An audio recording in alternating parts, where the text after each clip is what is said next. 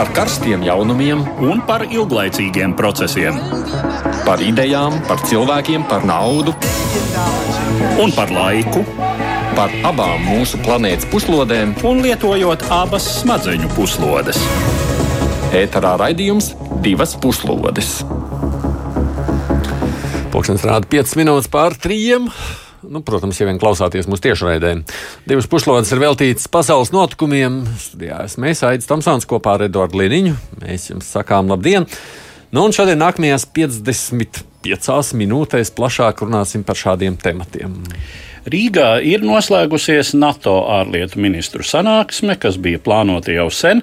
Tajā galveno uzmanību bija iecerēts pievērst jaunas bloka stratēģijas izveidei, taču daudz nācās runāt arī par aktuālo, par Krieviju un tās karaspēka koncentrēšanos pie Ukrainas robežas, arī par Baltkrievijas izvērsto hibrīdu karu. Pārunāsim, ko NATO ārlietu ministri šajā sanāksmē lēmuši.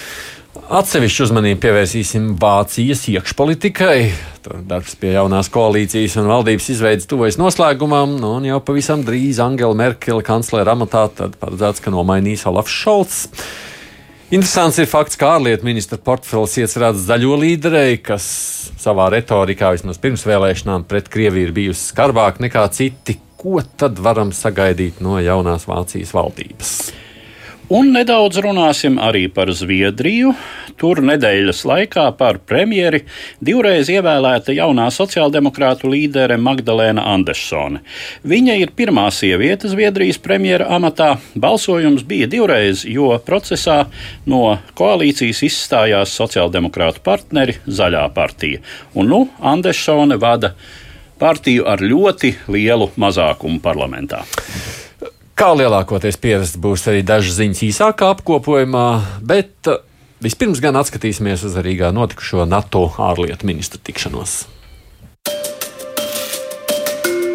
NATO ārlietu ministru samits, kuru Latvija pirmoreiz savā vēsturē uzņēma 30. novembrī un 1. decembrī, pagāja nobriedušu pārmaiņu zīmēm. Tā galvenais mērķis bija virzība uz jaunas alianses stratēģijas pieņemšanu, kurai jānotiek NATO galotņu tikšanās laikā Madridē nākamā gada jūnija beigās. Kā 29. novembrī kopīgajā preses konferencē ar valsts prezidentu Egilu Levitu norādīja NATO ģenerālsekretārs Jens Stoltenbergs, pašreizējā strateģiskā koncepcija ir labi kalpojusi, taču desmit gadu laikā kopš koncepcijas pieņemšanas pasaule ir mainījusies.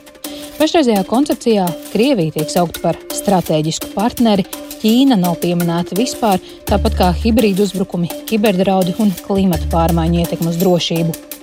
Līdztekus alianses stratēģijas attīstībai, kā galvenie aktuālie jautājumi samitā, neizbēgami izvirzījās iespējamā Krievijas agresijas pret Ukrainu eskalācija un Baltkrievijas režīma organizētā migrācijas krīze pie NATO dalību valstu robežām. Deklarācijās samita izskaņā tika pausts atbalsts Ukrainai un arī Grūzijai un brīdinājumi Krievijai atturēties no militārām akcijām pret Ukrainu.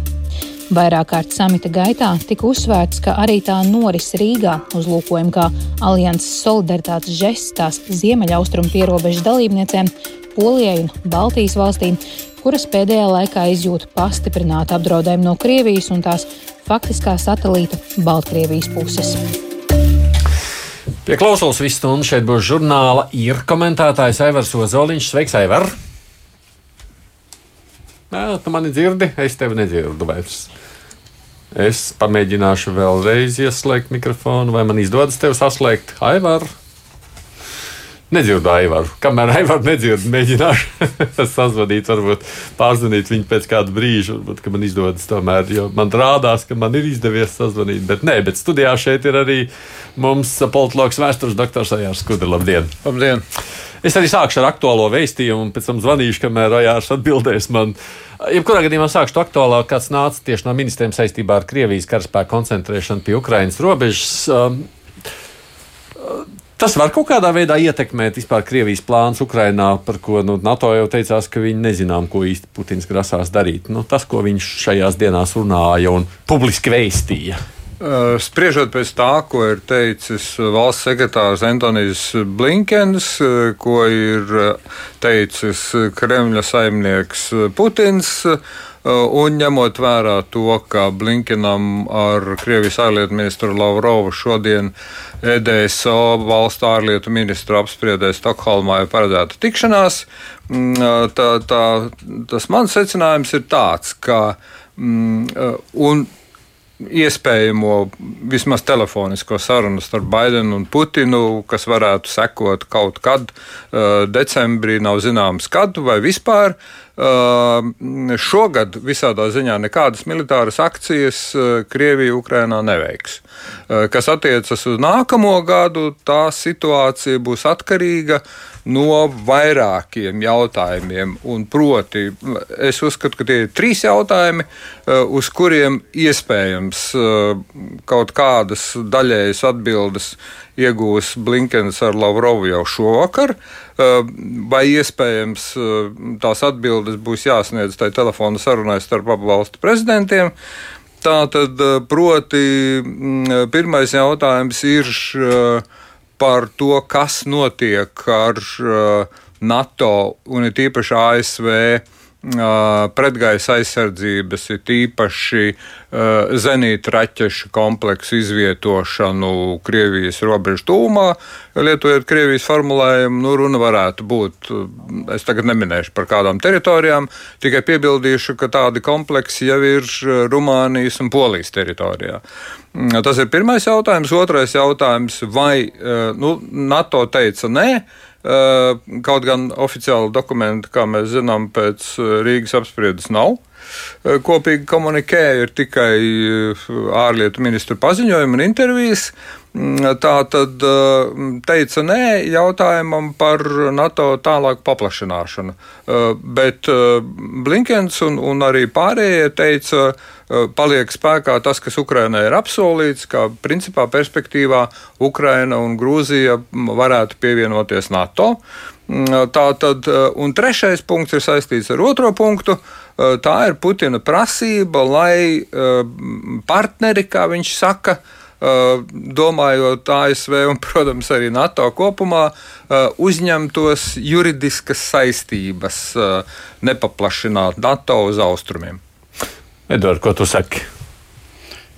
Nu, man nav īpaši daudz ko piebilst. Patiešām, varbūt tas, tā retorika, kas izskanēja no Putina šajās dienās, tā bija tikšanās ar ārvalstu diplomātiem Kremlī, kur viņš piesauca šo, nu, teiksim, savu Uh, jā, uzstādījumu, kas tikšot pieprasīts no NATO. Okay, es, pam es pamēģināšu, vai tu man dzirdi šobrīd, Aivar? Aivars dzird mani. Jā, dzirdu, dzirdu. Tad ir labi, ka es, es tev arī dzirdu, tad neliec nos klausuli. Es, lai Edvards turpina, es vienkārši notestēju, vai man izdodas tev sazvanīt. Turpini, Edvards. Jā, mēs notestējām labi. visu radio klausītāju klātbūtni. Uh, tā tad um, tas, ka, uh, nu, šis motīvs par to, ka Krievijai kādreiz ir apsolīts ka NATO nepaplašināsies uz mhm. austrumiem. Mm -hmm. Kas ir eh, teikts, ka tas esot ticis solīts eh, Teju vai Gorbačovam apvienojot Vāciju, pēc tam Jēlcinam pie Padomju Savienības sabrukšanas un tā tālāk. Un tā tālāk. Nu, Putins atkal to ir izvilcis tā sacīt, uzsildījis. Un, nu, tagad labi, kas ir, tas ir, bet parakstiet papīru, mm -hmm. ka tālāk vairs nepaplašinās, nepaplašināsieties. Eh, nu, kas ir principā pretrunā ar to, ko NATO vienmēr ir deklarējis, ka tādas, eh, nu, teiksim, jā, varbūt aizkulišu sarunas, varbūt kaut kādas vienošanās vai um, nu, kādas pagaidu un tiešām iespējams mutiski nolīgumi, uh, bet uh, uzlikt uz galda papīru, ka mēs neuzņemsim tātad tos, kurus Krievija negrib, lai mēs uzņemam. Ja? Uh, nu, tā šī organizācija nekad agrāk īsti nav rīkojusies. Tas, tas tā sajūta, tā, nu, pieņemsim, kas tā kā likās vakar, nu, sakot tā, nu, apmēram, ja jūs, neuz, ja jūs dosiet garantijas, tad mēs Ukrainā neiebruksim. Nu, tā. Jā, eh, tā tas ir. Gan, nu, eh, nu, respektīvi, tā tas varētu izklausīties no Putina puses, lai gan eh, saprotams, ka nu, Krievijas garantijas kaut ko nedarīt bija vispār kādam teiksim, pārliecinošas līdz 2014. gadam, līdz Krimai, kad Krievija um, es neteikšu, ko izdarīja ar to papīru, kuru savā laikā parakstīja par Ukrainas teritoriālo nedalāmību uh, mm. brīdī, kad Ukraina atteicās no kodolieročiem, it kā apmaiņā pret šīm garantijām. Tā gan jā. Aivar, tā tu man dzirdi labi, jā. vai ne? Un es tev arī dzirdu. Saki, runājot eh, to pašu jautājumu, ko jau es te sākumā prasīju pāriem abiem uh, diskusijas, ja studijas dalībniekiem, kā tu domā tas, kas izskanēja no šīs NATO tikšanās, un mēs jau vēl nezinām, kāda tur šodien tās tālākās sarunas, kādiem rezultātiem nāk tās ietekmēs šo te, nu, Krieviju, lai viņi tiešām neko nedarītu Ukrainā. Jā, protams, ka ietekmēs, bet vienkārši, nu, tas, ko, tas, ko mm, šodien Blinkens Stokholmā pateiks vai jau saka pašlaik Lavrovam, būs tas uh, nopietnais vēstījums, kas Krievijai draud, ja viņi uh, Uh, tomēr, uh, ja Putins tomēr pieņems lēmumu sākt uzbrukumu Ukrainā un uh, ko viņš var iegūt, ja viņš to nedarīs tomēr. Es domāju, ka divi galvenie vēstījumi par Ukrainu no, šī, no šīs sanāksmes bija man, manuprāt, vissvarīgākais ir, ka tikai Ukraina pati un, un, un NATO dalība valstis izlems, vai Ukraina būs uh, uh, NATO. Un otrs, ka būs ļoti nopietnas sekas Krievijai, ja Krievija iebruks Ukrainā. Uh, Putins, es, es, es te maz, pa tiem apsolījumiem atgriežoties, es te dzirdēju, ko spried, mazliet dzirdēju, ko sprieda iepriekš. Nu, ziniet, nu, nu, nekad nav bijis Krievijai tāda apsolījuma, ka kādu valsts neuzņems, tāpēc, ka Krievijai tas nepatīk. Tas gluži nav. Tas, tas ir atkal tās sarkanās līnijas, ko Putins pašlaik bīda arvien tālāk, redzēdams, ka varbūt viņam tas var izdoties. Uh, NATO, protams, atskatoties tagad izdarīja kļūdu Bukarestē, nepiedāvādama Grūzijai 2008. gadā, nepiedāvādama dalības rīcības plānu. Es atceros, to laik bija Bukarestē un mūsu prezidents, piemēram, Valdis Zatlers ļoti stingri par to iestājās ar savu gandrīz vai mantru, ka no action. Uh, Nav plāna, no action, nav plāna, nav rīcības, uh, un ka to vajadzēja izdarīt. Un, protams, tagad atskatoties, situācija bija sarežģīta, bet atskatoties skaidrs, ka vajadzēja izdarīt, uh, jo dažus mēnešus pēc tam Krievija iebruka Grūzijā un 2014. gadā anektēja Ukrainu. Tas diez vai būtu noticis, ja, ja, ja šīs valsts būtu ceļā uz NATO. Vai būtu iestājušās, tas ir cits jautājums. Bet uh, Putinam šī principā ir eksistenciāla cīņa, tā ir cīņa par, par impēriju, kā Zbigņevs Bžežinskis pateica vēl 90. gados to definē, bez Ukrainas Krievija nav impērija. Pašlaik Putinam palicis vienīgais resurs, kā saglabāt impēriju, tas ir militārais spēks, ekonomisko un citu ietekmes līdzekļu, nu, sa, nu, nu tā nu, kļūst arvien mazāk. Krievi kļūst visādi citādi arvien vājāk atskaitot uh, bruņotos spēkus, un tad, nu, vienīgo resursu iespējams viņš saprot, ka šis ir pēdējais brīdis, kad var izmantot. Bet no. NATO vēstījums ir gana skaidrs, sekas būs ļoti smagas, un es domāju, ka uh, kritiskais, uh, tajā seku paketē kritiskais būs uh, um, gāzes vads Nord Stream 2. Ja Krievija iebruks Ukrainā, to nebūs. Viņam tas gāzes nebūs tajā vadā. Tas ir skaisti. Es domāju, Blinkens to pasaka pašlaik Lavrovam. Mm, tā tā domā. Runājot par NATO stratēģiju un tajā nu, attiecībām ar Krieviju, un ne tikai ar Krieviju, kas tad tajā īsti, tad, ko mēs tad runājam? Es tā, tā prasu Kudaškungam, ko mēs runājam par nu, par nākotni šajā ziņā? Uh, um, es domāju, ka mums nav jārunā par nākotni, mums jārunā par to vispirms, kas notiek. Un tad mēs varam mēģināt izdarīt secinājumus par pārskatāmo nākotni. Uh, ko es jau iezīmēju, un ko uh, iezīmēju šeit uh, amerikāņu eksperti un arī faktiski Blinkens un, un, un pārējie ārlietu resortu darbinieki, um, un arī Ukrainas prezidents Zaļenskis kurš nu, uzstājas ar tādām, es teiktu, mazliet, lai, lai piedod man viņš histēriskām runām mm, par iespējamo Krievijas uzbrukumu. Tātad, kas notiek? Pirmkārt, Krievija ir izvietojusi Baltkrievijas teritorijā, es tikai nosaucu, pie Baranovičiem, Suhoi, uh, uh, Su-30 uh, iznīcinātājus.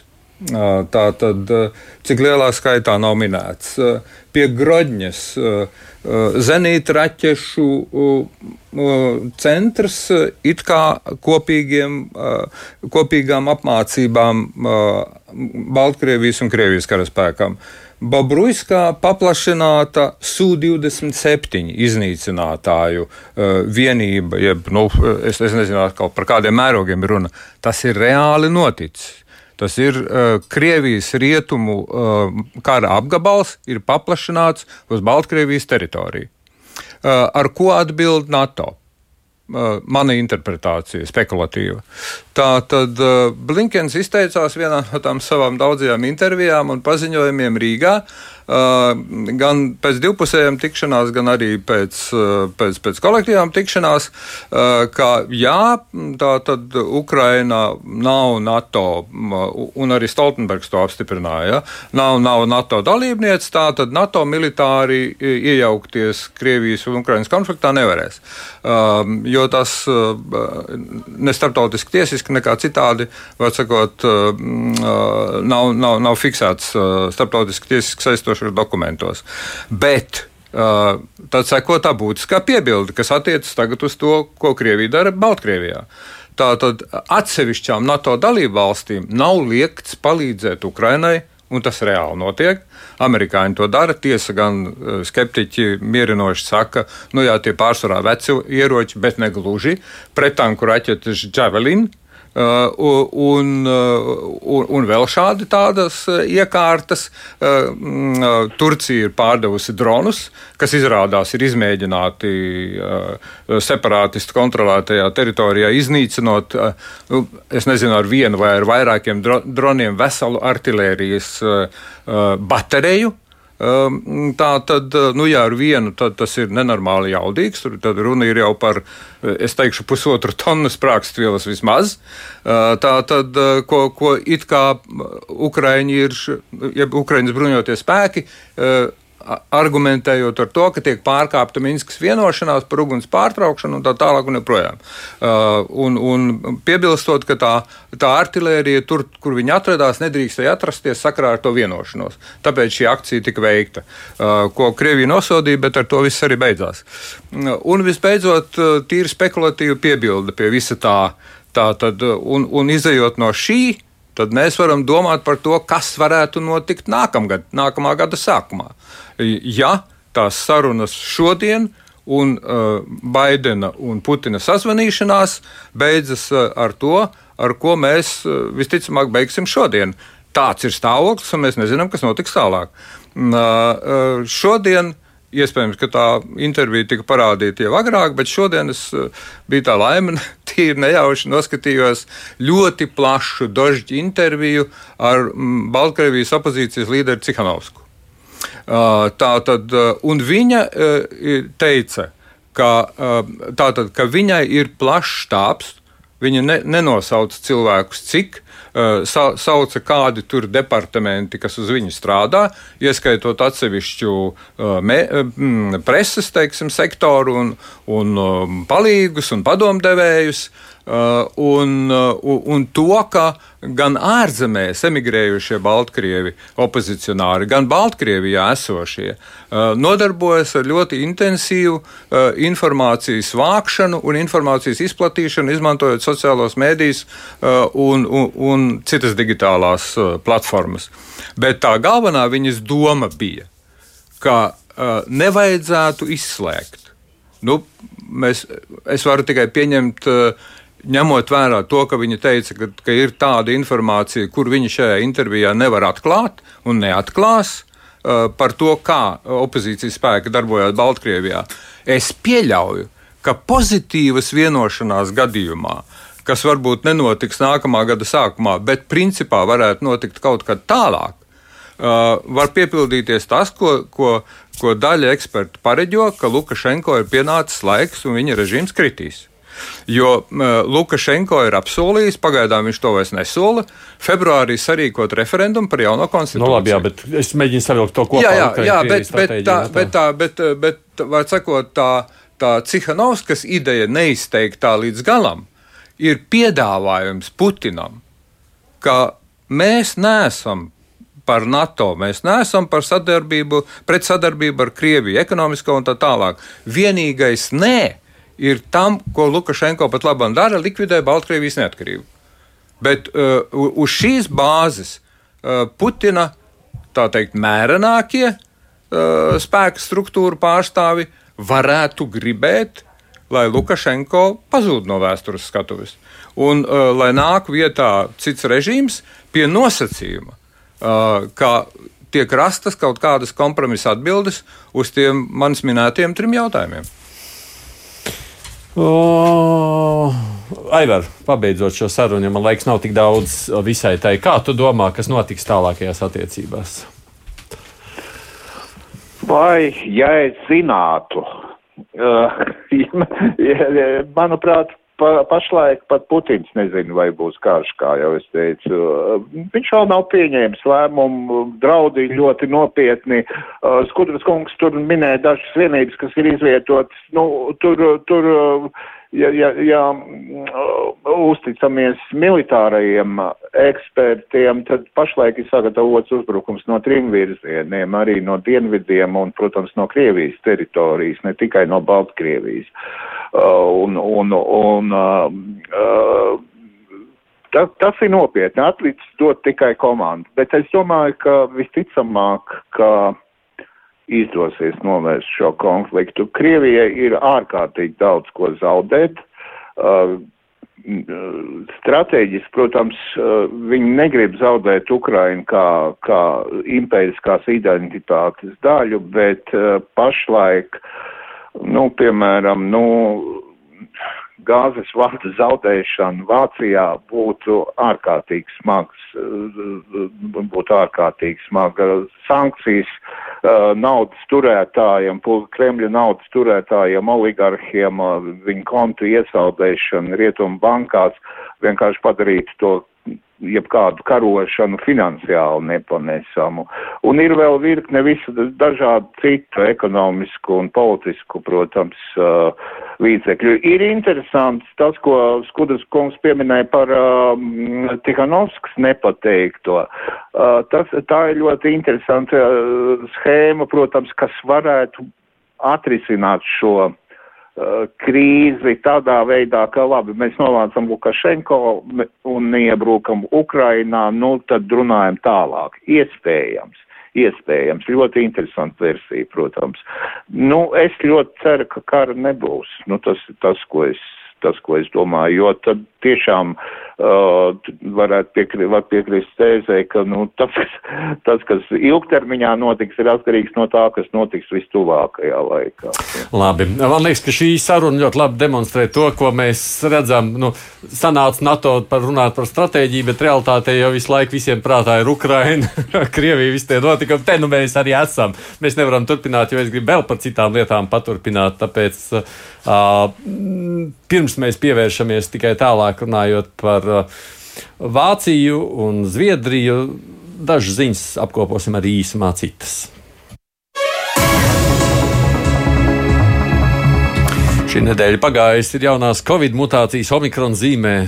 Galvenās bažas par to, cik efektīvas līdzinājās vakcīnas, bet nu skaidrs, ka Eiropa arvien noteiktāk dodas obligātās vakcinācijas virzienā.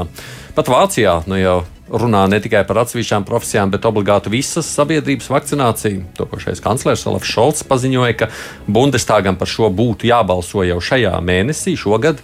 Viņaprāt, obligātā vakcinēšanās jāievieš ir februāra sākumā vai martā, un tāpēc tagad tas jārīkojas ātri. Līdz ar to Vācija varētu sekot Austrijas pēdās, un arī Eiropas komisijas vadītāja Urzula Fonderleina vakar izteicās, ka ir laiks uzsākt diskusijas par obligāto vakcināciju visā Eiropas Savienībā. Grieķijā jau tagad ir paziņots, ka vakcinēšanās būs obligāti visiem senioriem no 60 gadu vecuma.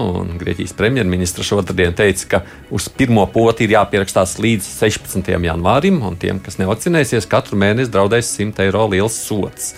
Un tas attiecas uz vairāk nekā pusmiljonu iedzīvotājiem vecumā virs 60, kas pagaidām arī tur nav potējušies. Par pandēmiju runājot, interesanti aptaujas dati šonadēļ publicēti Ziemeļmaķedonijā, kas atklāja, cik milzīgi liela ietekme ir dažādām sazvērstības teorijām. 67% iedzīvotāji, tātad vairāk nekā divas trešdaļas no visiem maķedoniešiem, tic teorijai, ka Covid ir mākslīgi radīts vīruss, lai pasaules varanie varētu kontrolēt visus zemes iedzīvotājus. 72%, tātad gandrīz 3 ceturdaļas iedzīvotāji ir pārliecināti, ka pasauli pārvalda īpaša bagātnieku grupa nu, kuru vēlmes un nodomus valstu valdības tagad realizē. 46% Ziemeļmaķedonijā domā, ka vīrus tiek izplatīts ar lidmašīnām, un tās baltās kondensāta švīks ir ar izsmidzinātu covid vīrusu. Savukārt 44% gan puse nešaubās, ka sazvērstībā ir iesaistījušies arī visi mediķi, jo viņi par naudu izplatīja apzināti uzpūstus skaitļus par saslimušajiem un mirušajiem ar covid. Pieminētais gāzes vats Nord Stream 2 kļuvis arī par klupšanas akmeni ASV budžeta apstiprināšanā. Republikāņu senatori pirmdien nobloķēja valsts aizsardzības budžetu, prasot iekļaut grozījumus likumā par obligātu sankciju ieviešanu pret Nord Stream 2. Lai pieņemtu budžetu, vajag 60 no 100 senatoru balsīm, bet nu, 51 republikāns balsoja pret. Nord Stream, protams, nav vienīgais iemesls domstarpībām, bet tas tiek minēts kā viens no lielākajiem strīdus āboliem. Gāzes vada pretinieki senātā uzstāja, ka tas var kaitēt ASV sabiedrotajiem. Un vienprātības jau par Nord Stream nav arī pašā demokrāta partijā. Daži liberāli demokrāti senatori arī neatbalstīja aizsardzības budžeta projektu, norādot, ka tēriņi pārāk lieli. Pārstāvju palātas apstiprinātais aizsardzības budžets pārsniedz tēriņus vairāk nekā 777 miljārdu dolāru apjomā, kas ir ievērojami vairāk nekā pieprasīja ASV prezidents Joe Bidenis. Nu, un šo pieaugumu savukārt pieprasīja republikāņi. Laikā, kad žurnālistika piedzīvo liels izaicinājums Eiropā, taps jauna, liela Eiropas ziņu redakcija, ko finansēs Eiropas Savienība, un tās izveidē piedalīsies jau šobrīd labi zināmas 16 ziņu aģentūras. Jaunā redakcija sāks darbu nākamā gada vidū, un tās mērķis izplatīt informāciju par Eiropas Savienību un bloka kandidātu valstīm. Kopīgo projektu vadīs Vācijas ziņu aģentūra DPA, un tajā piedalīsies arī Francijas AFP, Spānijas EFE un Eiropress, arī citu valstu un kaimiņu valstu ziņu aģentūras. Redakcija atradīsies Briselē, to finansēs Eiropas komisija, atvēlot nepilnus divus miljonus nākamajiem diviem gadiem. Ziņā aģentūras kopīgi strādās šajā ziņu redakcijā, paralēli, protams, savai pamatdarbībai. Vairums šo ziņu aģentūru būs kopā vienā lokācijā, kur tās varēs dalīties ar informāciju par visiem Eiropas jautājumiem, kopīgi pieprasīt intervijas, publicēt daļu no šī veikuma tam domātajā tīmekļa vietnē. Tā norādīja AFP. Lai arī šķiet, ka mūsdienu pasaule bez interneta nav iedomājama, izrādās, ka gandrīz 3 miljardi, jeb vairāk nekā trešdaļa, 37% pasaules iedzīvotāji nereizi vēl nav lietojuši internetu. Tā liecina ANO Startautiskās telekomunikācijas savienības apkopotā informācija. Protams, 96% no šiem nepilniem 3 miljardiem dzīvo attīstības valstīs. Tikmēr internetu lietotāju skaits gan pasaulē palielinājies no 4,1 miljarda līdz 4,9 miljardiem. Daļai tas ir skaidrojums ar cilvēku pielāgošanos koronavīrusa ierobežošanai paredzētiem pasākumiem. Bet nu, arī starp šiem internetu lietotājiem vairāk simt miljoni internetu izmanto neregulāri izmantojot koplietotas ierīces, vai arī nu, saskaroties ar internetu savienojumu ātrumiem, kas traucē internetu izmantošanu. Dati liecina, ka pirmajā koronavīrusa pandēmijas izraisītā krīzes gadā lietotāju skaits pasaulē pieaug par vairāk nekā 10%. Tas ir gan straujākais kāpums pēdējos desmit gados, bet nu, izaugsme nav bijusi vienmērīga. Internetu piekļuvi iedzīvotāji nabadzīgajās valstīs bieži vien nevar atļauties, un gandrīz 3 ceturdaļas cilvēku 46 vismazāk attīstītajās valstīs ne reizi nav redzējuši internetu. Nu, tāds bija dažs ziņas īsākā apkopojumā, bet tagad plašāk pievēršamies Vācijai. Vispirms tāds faktoloģisks apkopojums. Pagājušo nedēļu galīgo apstiprinājumu gūta prognozes, ka nākamā Vācijas valdība iztiks bez līdzšinējā ietekmīgākā politiskā spēka - kristīgajiem demokrātiem. 23. novembrī tika publiskots paziņojums, ka sekmīgi noslēgušās sarunas starp tā saucamās Luksemburgas koalīcijas partijām, sociāldemokrātiem, brīvajiem demokrātiem un zaļajiem. Kā tiek ziņots, sarunu process bijis pamatīgs. Valdības programmu izstrādājot 22 darba grupās ar vairāk nekā 300 pārstāvju piedalīšanos. Rezultātā tapis līdzsvarots dokuments, kurā katrs no partneriem ietilpinājis ko sev būtisku. Sociāldemokrātiem ticis minimālās stundas atalgojuma likmes palielinājums apmēram par piekdaļu, zaļajiem par astoņiem gadiem agrāk atteikšanās no ogļu izmantošanas enerģētikā, ekonomiskā liberālisma piekritājiem brīvajiem demokrātiem sabalansēts valsts budžets. Ārlietu jomā koalīcijas programma paredz turpmāku konstruktīvu dialogu ar Krieviju, tomēr ievērojot Krievijas agresijai un draudiem pakļauto kaimiņu valstu intereses. Jaunā valdība varētu būt aktīvāka Eiropas integrācijas balstītāja, piemēram, cenšoties panākt vienbalsības principa nomaiņu pret kvalificētā vairākuma principu Eiropadomas balsojumos par bloka kopējās ārpolitikas un drošības politikas jautājumiem. Budžeta jautājumos no vienas puses paredzama lielāka taupība, taču tā neatieksies uz pandēmijas seku pārvarēšanu un ieguldījumiem vidē draudzīgāku tehnoloģiju ieviešanā par jaunās Luksafora koalīcijas kancleru paredzēts kļūt līdzinējam finanšu ministram, vācu sociāldemokrātu līderim Olafam Šolcam. Zaļo partijas līdzpriekšsādātāja Anna Lēna Bērboka ieņems ārlietu ministra posteni. Otrs zaļo līdzpriekšsēdētājs Roberts Habeks jaundibināmo superministriju, kas pāraudzīs vienlaicīgi ekonomiku un pretdarbību klimata pārmaiņām. Savukārt brīvo demokrātu līderim Kristiānam Lindneram ticis finanšu ministra portfelis.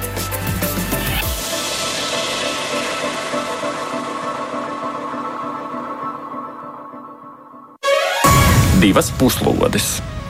Atgādījumi pie telefona klausulas ir žurnāli. Ir komentētājs Evers Ozoliņš un savukārt studijā politologs vēstures doktors Ojārs Skudra nu, un mēs ar Eduardu Liniņu. Uh, Par ārpolitiku vispirms skatoties uz visu šo jauno valdības sastāvu un koalīcijas iecerēm, Aivar, tavuprāt, kas varētu mainīties vai nemainīties Vācijas ārpolitikā vai tās retorikā? Nu, pagaidām ir grūti, retorikā jau ir notikušas pārmaiņas, eh, bet pagaidām ir grūti prognozēt, kā mainīsies. Eh, nu, radikāli pavērsienu, protams, nebūs. Eh, revolūcija nebūs. Vācija ir tradīciju zemē, eh, stabilu demokrātiju un labi vien, ka tā ir, bet, protams, dažādas nianses parādās. Uh, jaunā ārlietu ministri no zaļo partijas, Anna Lēna Bērboka ir no, za, no zaļo partijas, un pirms vēlēšanām, vēlēšana kampaņas laikā viņi diezgan skarbi izteicās. Uh, par Krieviju un arī pret Nord Stream 2. Zīmīgi, ka programmā Nord Stream 2 vispār nav pieminēts šis gāzes vads. Un kā jau jūs ievadā teicāt, tā, tā nav kaut kāda nejaušība, tas nav netīšām. Strādāja ļoti nopietni, vairāk nekā 20 darba grupas, 3 līdz pārstāvi no, no, no, no, no visām pār, partijām. Protams, ka viņš šo jautājumu apsvēra bet kaut kādi iemesli lika viņam neiekļaut to programmā. Bet uh, ir, uh, protams, uh, atsauc uz draudzīgām saitēm un dziļām un daudzveidīgām saitā attiecībām ar Krieviju, bet ir arī piebildes pie, pie un ir arī piebildes pie pašreizējās kārtības Eiropā saglabāšanas ar to, ka Krievija esot apņēmusies turēties pie šīs kārtības. Nu, Ir daudz konkrēts, konkrētākas lietas, piemēram, Eiropas Savienības sankciju atvieglošana Eiropa ir sa pilnībā ir saistībā ar pilnīgu Minskas vienošanos izpildīšanu. Uh, mēs jau tagad varam prognozēt, ka šīs vienošanās nebūs izpildītas, tāpēc, ka Ukraina un Krievija saprot tās no to procesu pilnīgi no otra gala. Nu, Krievija šķiet, ka Ukraina var atgūt uh, robežu tikai tad, kontroli par robežu tikai tad, kad ir izdarīts viss pārējais, notikušas vēlēšanas, piemēram, Doņetskā un nu, jā, jā, Luhanskā. Un, un, nu jā, nu, nu tas mhm. diez vai notiks. Bet um, uh, būs ļoti, ļoti silta valoda par transatlantiskajām attiecībām. Tas ir pozitīvs šķiet. Uh, skarbu valodu pret, uh, pret toties pret Lielbritāniju. Un, un, un, un uh, par to, ka jāturās pie Brexit, vieno, Brexit vienošanām un arī attiecībā uz Ziemeļīriju. Um, stingrāk nostāja var prognozēt pret uh, likuma varas un uh, pārkāpumiem Polijā un Ungārijā, piemēram. Bet lielas pārmaiņas es nebūs, un indikators atkal mēs atgriežamies pie um, Nord Stream gāzes vada un Vācijas valdības lēmumu par šo gāzes vadu principā, vai Vācijas regulātoru lēmumu principā būs teiksim, tāds indikators un atslēga. Interesanti, ka uh, ministru sanāksmes laikā, nu, man iznāca parunāt ar uh, Lielbritānijas uh, ārlietu ministri Elizabeti Tasu, nu, intervija būs uh, nākamajā žurnālā. Uh, un tad es, viņa, viņa bija piedāvājusi, sanāksmes laikā bija piedāvājusi bloķēt Nord Stream 2 gāzes vadu. Es viņai pavaicāju, vai viņi to ir apspriedusi ar savu Vācijas kolēģi, Vācijas ārlietu ministru, un ko viņš par to saka. Viņas atbildi bija interesanti. Viņa pateica, Vācijā ir jauna valdība, un, kurai uzsvars arī uz uh, energoresursu diversifikāciju, un mēs paskatīsimies, kā šī jaunā valdība lems. Tā kā uh, radikāls pārmaiņas uh, nenotiks, bet uh, nianses var būt svarīgi. Mm -hmm. Edvards, ko tu domā par iespējamām pārmaiņām? Nu, man ir jāpiekrīt, nekādu radikālu pārmaiņu nebūs. Uh, un Nord Stream tiešām ir zināms indikators.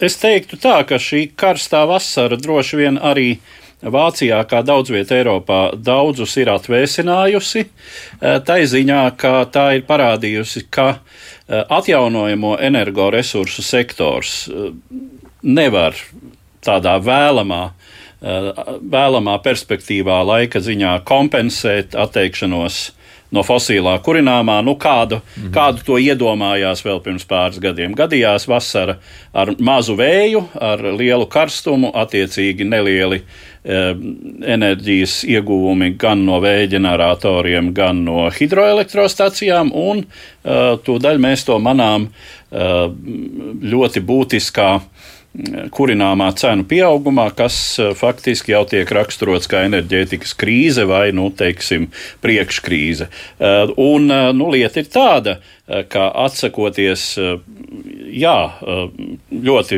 tas, kas ir bijis sagaidāms, nu, šī ātrākā atteikšanās no oglēm, kas ir visnetīrākais no fosilā kurināmā veidiem, bet ir skaidrs, ka zināmā starposmā gāze eh, kā kurināmais kalpos kā tas enerģētiskais amortizators. Eh, atsakoties no oglēm, bet eh, atjaunojamo energoresursu sektoram vēl nepavelkot to slodzi. Un kas to vispār zina? Nu, teiksim, jā, ir prognozes, cik, cik ilgā laikā, un ir apņemšanās. Nu, teiksim, jau piesauktajā valdības programmā ir minēts, ka 2% valsts teritorijas.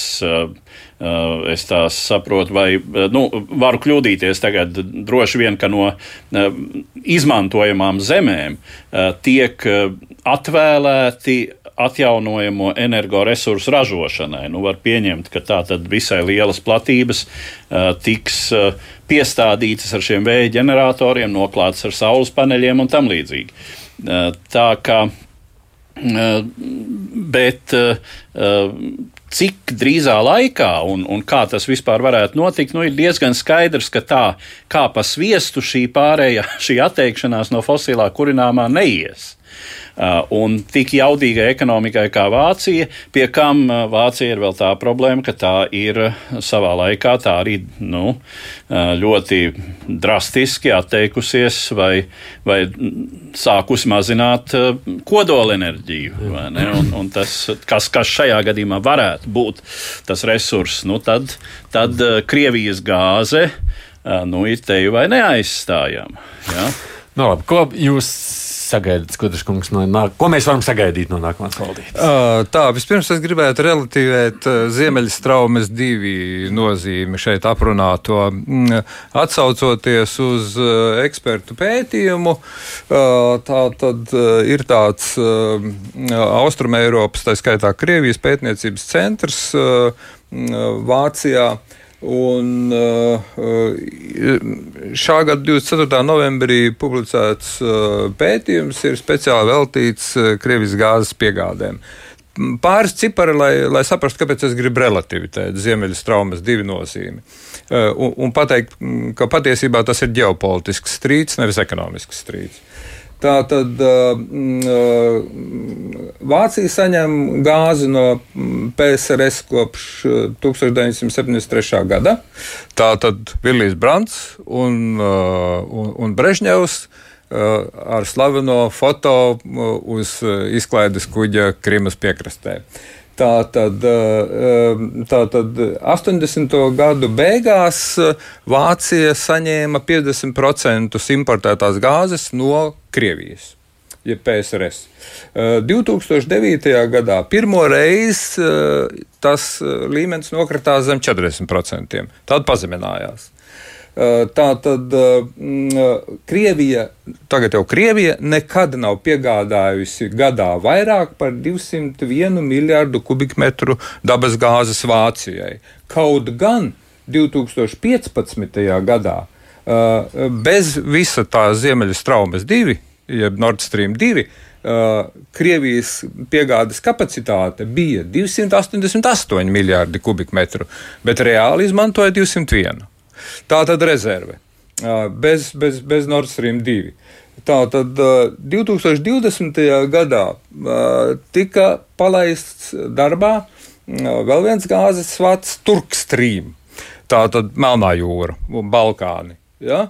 Un līdz ar to Krievijas kapacitāte Eiropas virzienā izauga līdz 378 miljardiem kubikmetru gāzes gadā, bet piegādā ne vairāk kā 201.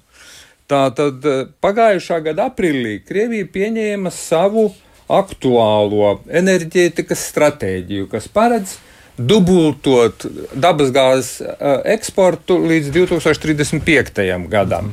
Un, uh, uh, galvenokārt tas notiks eksportējot dabasgāzi nevis uz Eiropu, bet uz Ķīnas Tautas Republiku.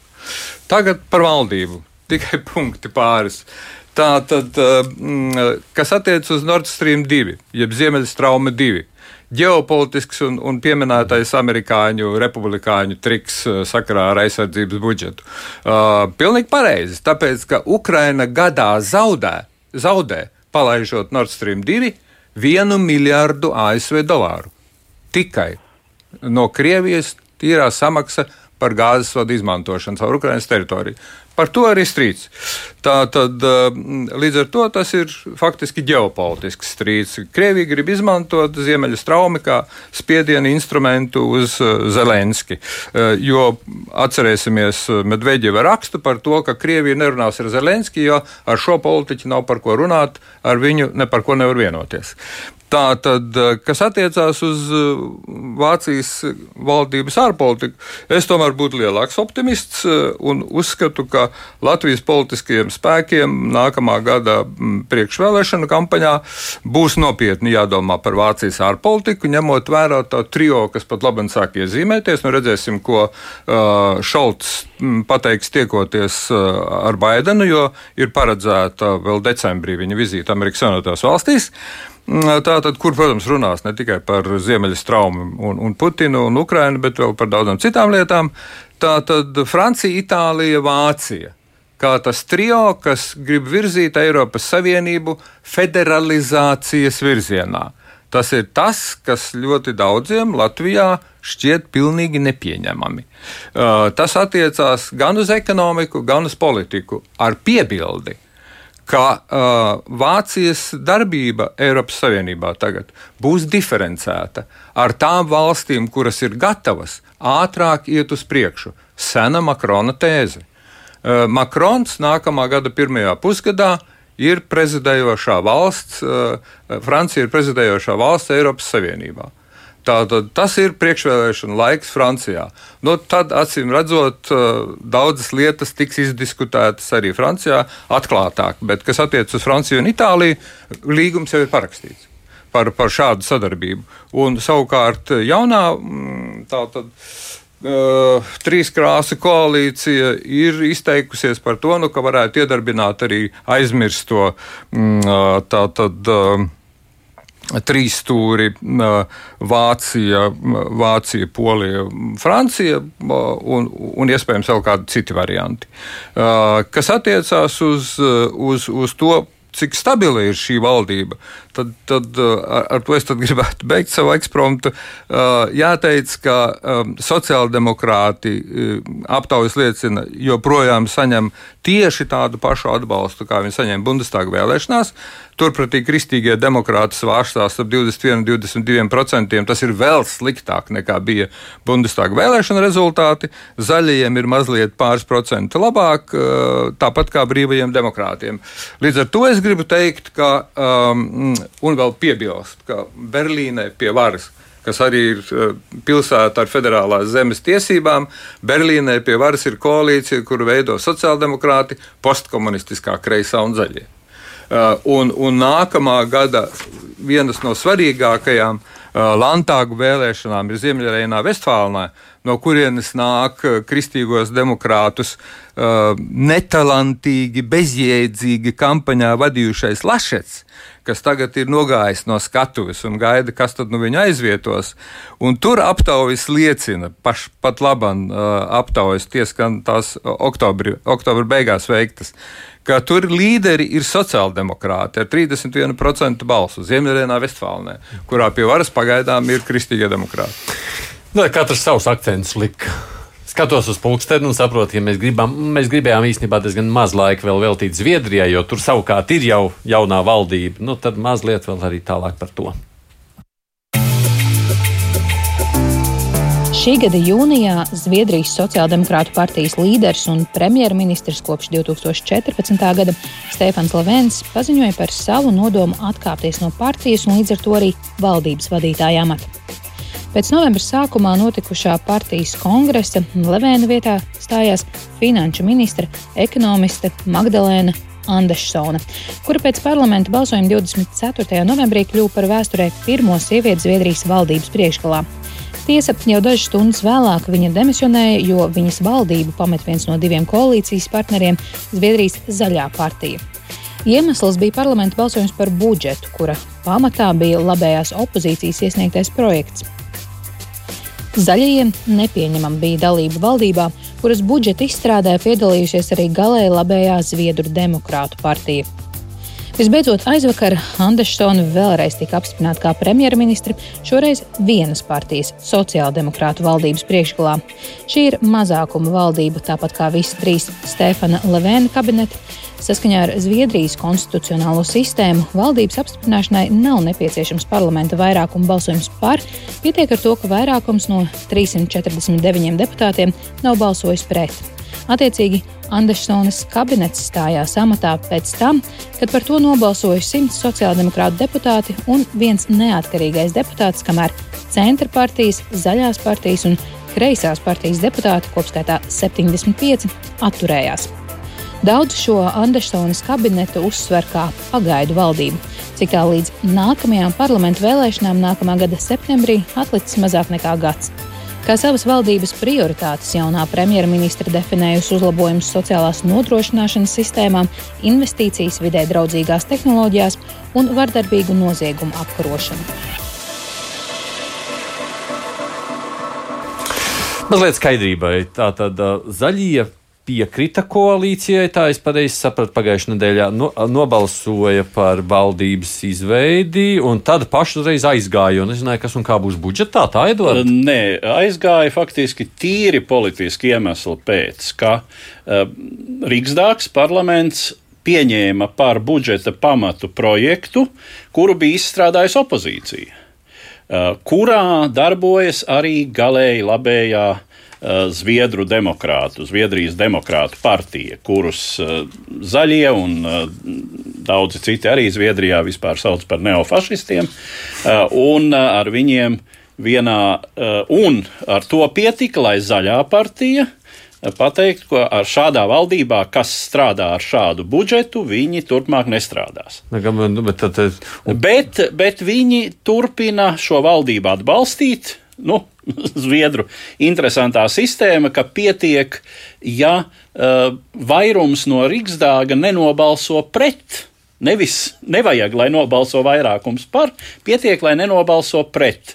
Tas nozīmē, ka pietika ar simts sociāldemokrātu plus viena neatkarīgā uh, deputāta balsīm par un 75 zaļo centra partijas un kreisās partijas uh, deputātu atturēšanos balsojumā, lai valdība tiktu apstiprināta. Mhm. Uh, tā ir, nu, šķiet, ka tas ir rekords uh, mazākuma valdībai ar maza tik maz tieša deputātu atbalsta, respektīvi balsojumā, par nav laikam bijis. Tik maza mazākuma. Jo Levēna, Levēna valdības visas kopš 14. gada ir, ir mazākuma valdības. Jā. Jā, jā. Bet tur vismaz koalīcijā bija arī vēl tie zaļie klāt.